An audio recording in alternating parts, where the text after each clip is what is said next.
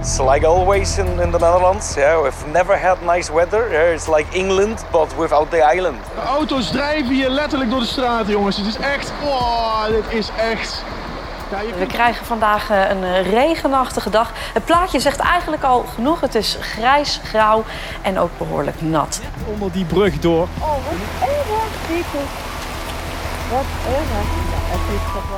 erg. Regen, regen, regen. De een gaat graag stampend door de plassen, terwijl de ander liever binnen blijft om de druppels te vermijden. Wij als Nederlanders zijn wel wat nattigheid gewend. Het regent veel en vaak in ons kikkerlandje. Waar komt die naam eigenlijk vandaan? Ja, nou het kikkerlandje, hè, dat duidt al op water. Eh, niet alleen dat we veel sloten en water hebben, maar ook gewoon dat er veel valt. Ehm, dat heeft natuurlijk te maken met waar Nederland ligt, aan de zee. En we hebben hier al heel vaak westenwinden. Dus die komt vanaf de zee en die neemt dus vochtige lucht mee. En ja, dat komt eruit als regen.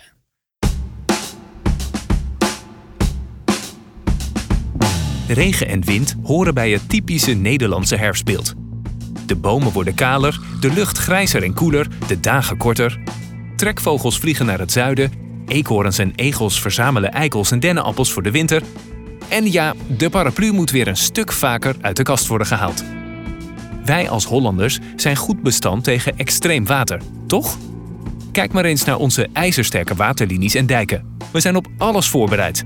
Maar blijft dat wel zo? Kunnen onze dijken het water nog steeds tegenhouden als de ijskappen en gletsjers smelten en het oceaanwater uitzet door opwarming? Kunnen we over 50, 100 of 150 jaar in de herfst nog steeds met een paraplu op pad? Of is hij al stuk als je een stap buiten de deur zet? Kunnen onze rivieren de toename van regen blijven afvoeren? En is ons Waddengebied eigenlijk wel bestand tegen de stijgende zeespiegel? De zeespiegel blijft doorstijgen. Ook al zijn we morgen energie-neutraal, stoten we 0 gram CO2 uit en stijgt de wereldgemiddelde temperatuur ook niet meer. Dat komt omdat de grote ijskap zijn al lang compleet uit evenwicht gebracht met dit klimaat. Dus ook al houden we dat klimaat, ze zijn uit evenwicht.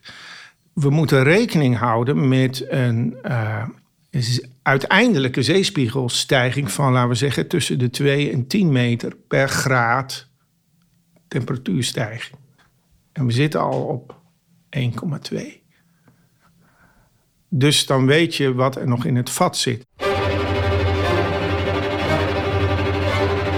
Welkom bij de Academy Podcast. In vier afleveringen nemen we je mee door de vier Nederlandse seizoenen van de toekomst. Deze toekomstbeelden staan beschreven in de Academy 23 klimaatscenario's, die eens in de 8 à 9 jaar worden gepubliceerd. In dit rapport staan de verwachtingen van het Nederlandse klimaat over 50, 100 en 150 jaar, uitgesplitst in hoge en lage scenario's. Hoog, dat is slecht nieuws. Laag, daar willen en moeten we naartoe. In deze aflevering gaan we stormachtige tijden tegemoet. We duiken in de herfst. En dan nu het weerbericht voor zondag 15 oktober 2073. Er dreigt opnieuw een weerrecord te sneuvelen met hoog oplopende getallen. De verwachting is dat storm Morris rond 7 uur ochtends de Nederlandse kust bij Zeeland nadert. Morris heeft een geschatte windsnelheid van bijna 200 km per uur. De Oosterscheldekering wordt voor de zekerheid gesloten vanwege de stevige wateropzet. Voor een nieuwe ramp wordt gevreesd, zeker in combinatie met de zeespiegelstijging, die de laatste jaren sneller gaat dan gedacht. In ieder seizoen heb je zeespiegelstijging en die stijgt gewoon door. Die trekt zich niets van de seizoenen aan. Uh, als we kijken naar uh, ja, wat in principe de bedreigingen zijn, dan is het natuurlijk de hoogwaterstanden, hè, zoals uh, de stormen. En, en, ja, een wateropzet noemen we dat. Dus een extra waterstijging voor onze kust die bovenop die langzaam stijgende zeespiegel komt. Dat soort stormen vindt bij voorkeur plaats in de herfst. Dus in de herfst hebben wij meer last of meer gevaar te duchten van de stijgende zeespiegel dan in andere seizoenen. De zeespiegel is in Nederland al jaren onderwerp van gesprek. Niet zo gek. We zijn omringd door water en daardoor kwetsbaar. 26% van Nederland ligt onder zeeniveau. En daarnaast is maar liefst 59% van ons land gevoelig voor overstromingen. Gelukkig hebben we een ijzersterk verdedigingssysteem. Het Deltaplan. We hebben als enige land ter wereld een, een perfect sluitende kustdefensie. Die uh, ons land goed beschermt. En dat is maar goed ook, want wij kunnen ons ook geen enkele vorm van overstroming permitteren. Zoals in andere landen blijft het lokaal en wij, uh, ja, dan loopt meteen half Nederland onder water. Siberen Drijfhout werkt bij het KNMI op de afdeling Research and Development, waar hij weer- en klimaatmodellen ontwikkelt. Hij is een van de weinige oceanografen van ons land. Daarnaast is hij hoogleraar bij het Institute to Marine and Atmospheric Science aan Universiteit Utrecht. Zijn specialisatie is zeespiegelstijging. Ik ben dus een zeeman.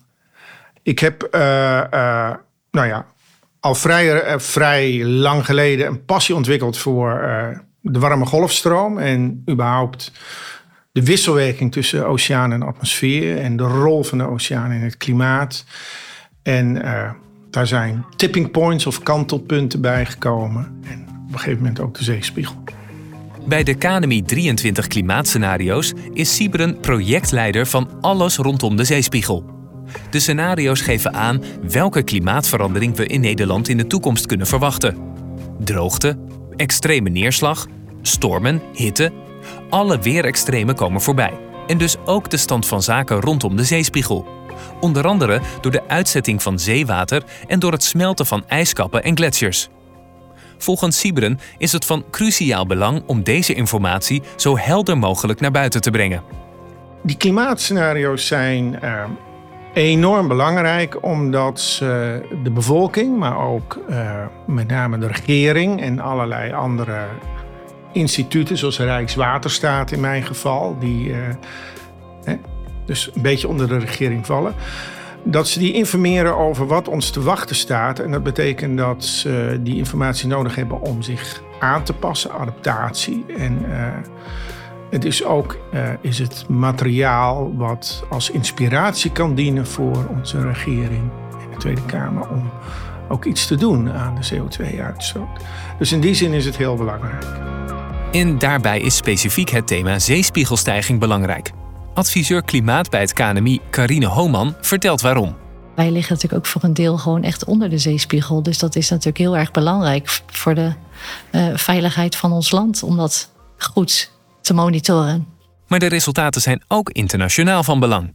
Nou, het grootste deel van de mensen in de wereld wonen aan, in kustgebieden. Dus het is natuurlijk heel belangrijk om goed in de gaten te houden uh, wat die zeespiegel gaat doen. En het ene land kan zich daar waarschijnlijk makkelijker ook aan aanpassen dan het andere land. Dus dat gaat, ja, gaat grote gevolgen hebben als we daar uh, ons niet aan aanpassen. Even terug naar de basis. Wat houdt zeespiegelstijging ook alweer in? De zeespiegel is de hoogte van het water. Maar wanneer spreken we dan van een stijging? En hoeveel stijging kunnen we aan? Veel mensen hebben altijd een, een, een afwasstijltje of uh, zo'n soort model uh, voor ogen. Maar bij de zee werkt het wat anders. De zeespiegel stijgt eigenlijk ja, op twee manieren. Warm water is lichter dan koud water. Dus als je water opwarmt, dan wordt het lichter. En omdat je dezelfde hoeveelheid water behoudt, betekent dat gewoon dat het volume toeneemt. Dus daardoor gaat de zeespiegel omhoog staan. Dat zou ook gebeuren in je afwasstijltje. Klein beetje. En verder stromen er of vallen er voortdurend ijsblokjes in het water. In de vorm van uh, afbrokkelende ijskappen. En dat betekent ook dat de hoeveelheid water toeneemt. Dus er is minder ijs en eigenlijk ook water op land over de laatste jaren. En dat, dat komt allemaal terecht in de oceaan. En daardoor stijgt de zeespiegel. In de seizoenen lente en zomer hebben we het over extreme droogte en extreme hitte. Kun je ook spreken over extreme zeespiegelstijging? We spreken helemaal niet over extreme als we het over de zeespiegel hebben. Dus we spreken alleen over extreme als, we, als het water op een bepaald moment heel hoog staat. Dat noemen we dan een extreme waterstand. En dat heeft te maken met stormvloeden uh, met name. Uh, wat Wat wel zo is, is dat uh, de zeespiegel is gestaag aan het stijgen. Die, die stijging gaat langzaam, maar zeker ietsje harder. En er zijn zorgen en uh, nou ja, ook, ook goede fysische argumenten om uh, te verwachten dat op een gegeven moment die zeespiegel heel veel harder gaat stijgen dan die nu doet. Dus dat er als het ware bijna een soort breekpunt in zit. Nou, dat zou je extreme zeespiegelstijging kunnen noemen. Waar komt al dat water eigenlijk vandaan? Wat er dus snel gebeurt, is dat inderdaad die waterkolom uitzet en dat de gletsjers smelten. Maar die ijskappen komen langzamer. De ijskap van Groenland gaat ook vrij langzaam, omdat die echt van bovenaf smelt. De ijskap van Antarctica is uh, een sleeping dragon, als het ware. Die smelt van onderaf door zeewater, maar die smelt ook voor een groot deel niet, maar gewoon vormt steeds meer ijsbergen. Dus het ijs schuift in zee. Dat is een proces wat, uh, wat duidelijk aan het versnellen is, wat veel harder kan gaan dan het gewone smelten en wat we nu zien. En wat uh, uh, in allerlei modelberekeningen de, de zeespiegelstijging met een factor 10 zou kunnen doen toenemen. We hoorden het Sieberen eerder al zeggen. De zeespiegel stijgt. Ook als we morgen energie-neutraal zijn, blijft het water stijgen. Is dat altijd al zo geweest? Nou, uh, laten we eerst beginnen met de wereld gemiddeld.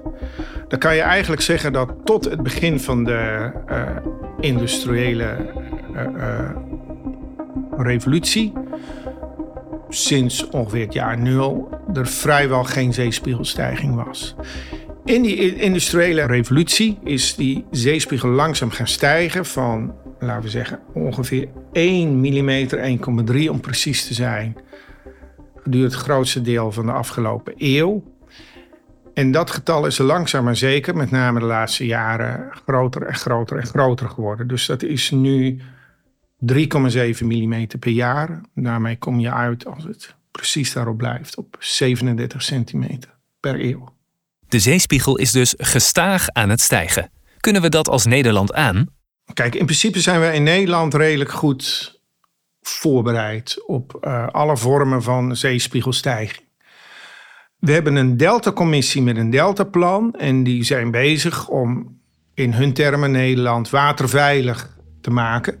Uh, bedoelen ze mee dat we uh, kunnen dealen met 1 meter zeespiegelstijging. In principe kunnen met hetzelfde soort maatregelen die we nu nemen, kunnen we ook 2 meter aan. Maar het is niet gezegd dat die 2 meter genoeg is. Want de verwachting is dat de spiegel in de toekomst nog veel hoger wordt.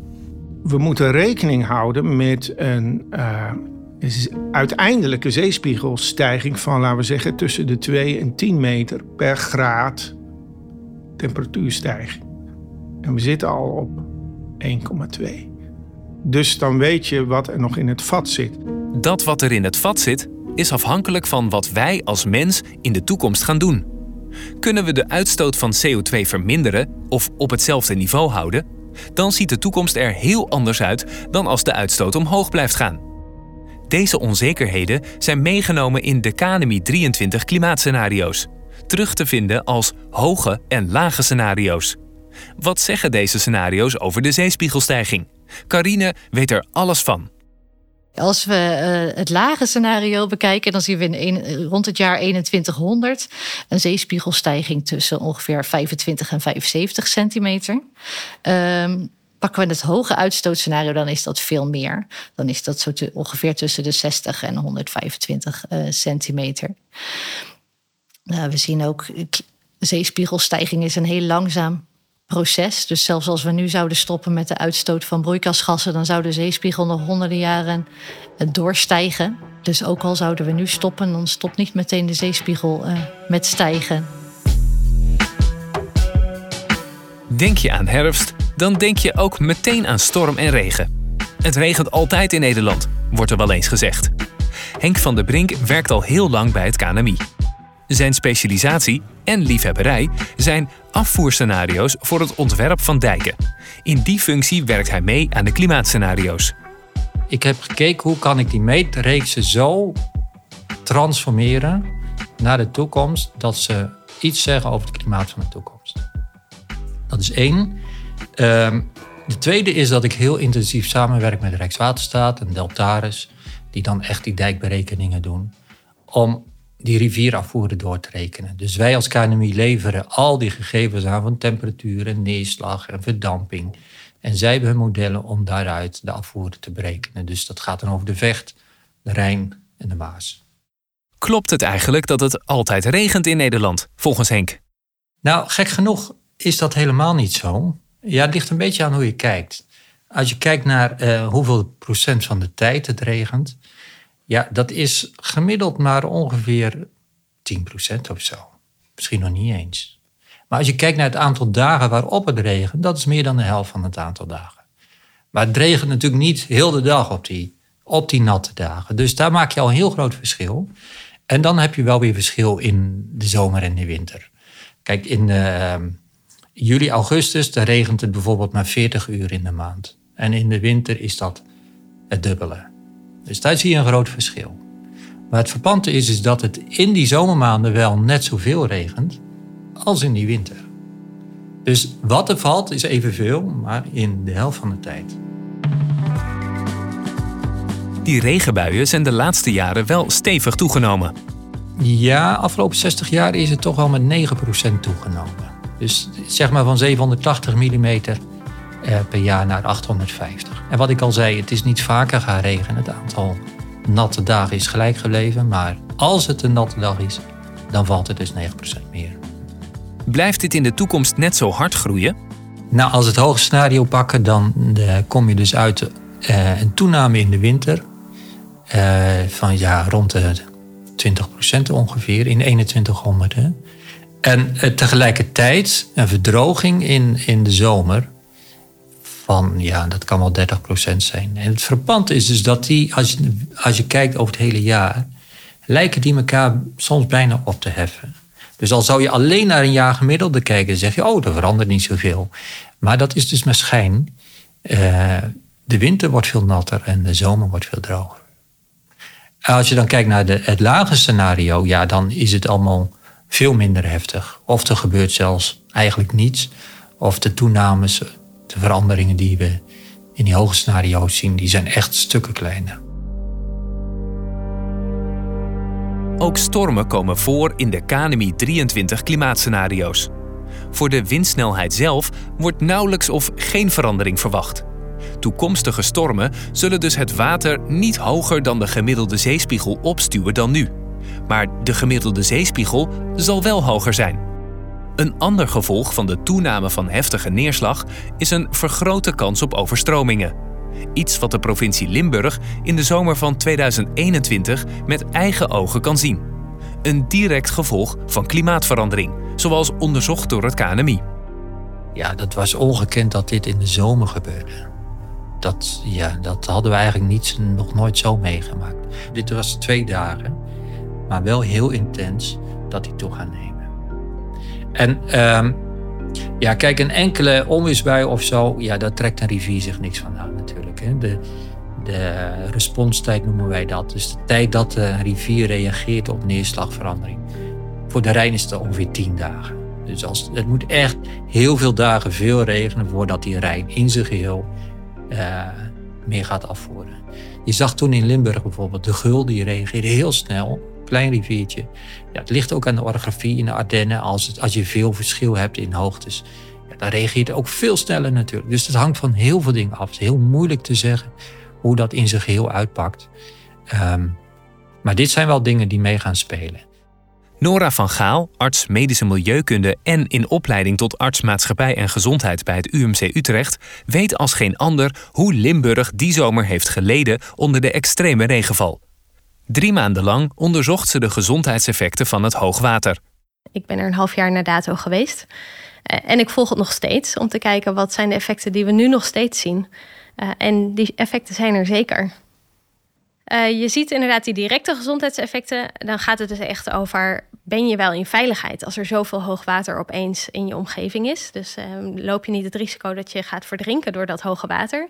Gelukkig is dat in Nederland niet gebeurd. Dat is aan de andere kant van de grens helaas anders geweest.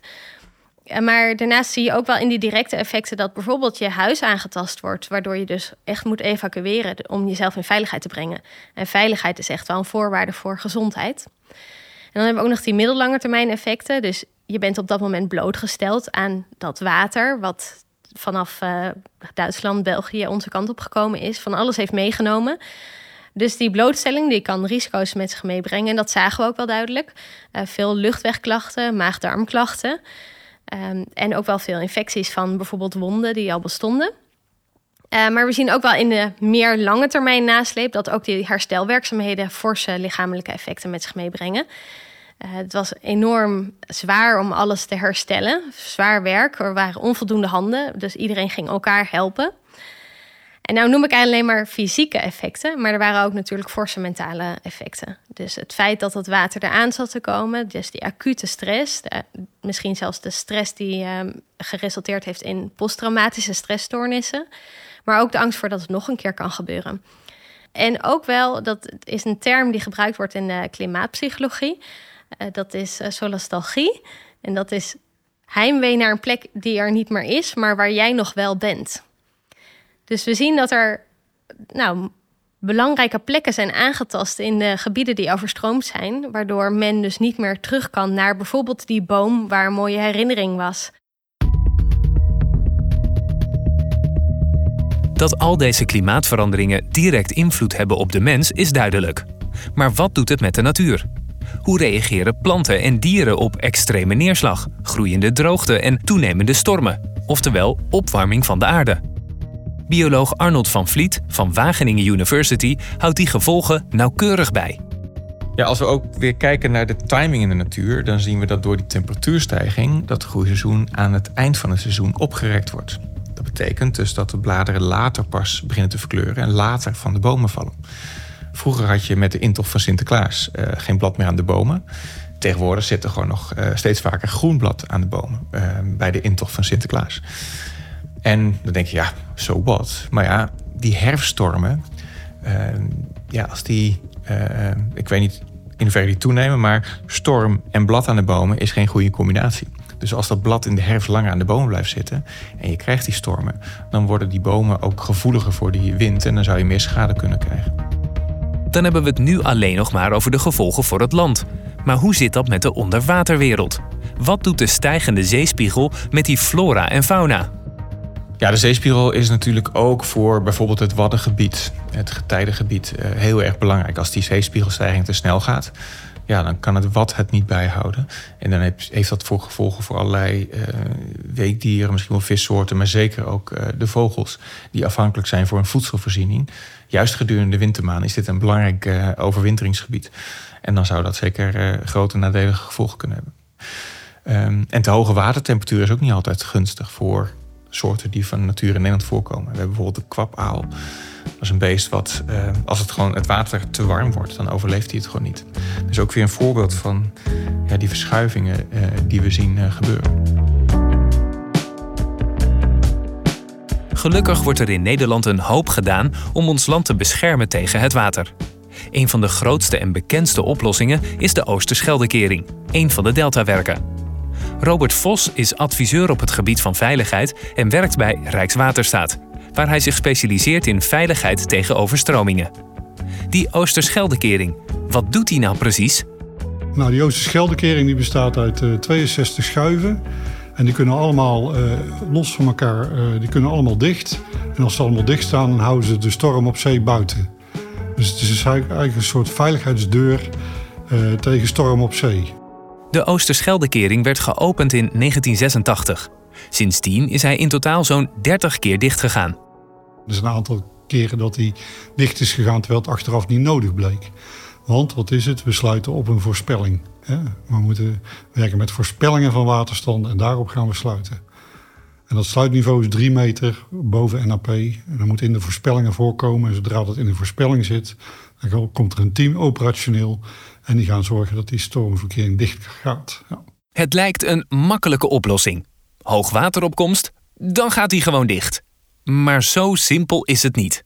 Men ziet namelijk het liefst dat de Oosterscheldekering open blijft. Het aantal sluitingen is wel belangrijk. Want dat eh, heeft direct, aantal sluitingen direct invloed op de ecologie, op de morfologie. En ook wel op de schade aan die, eh, aan die kering zelf. Dus met name hoeveel, hoeveel krachten er op die kering komen, hoeveel vermoeiing op die schuiven is, dat heeft allemaal invloed. En meer druk op en schade aan de kering betekent direct ook meer onderhoudskosten. Om te kijken hoe dit in de toekomst zal zijn, heeft Robert voor de klimaatscenario's onderzoek gedaan naar de effecten van het aantal sluitingen.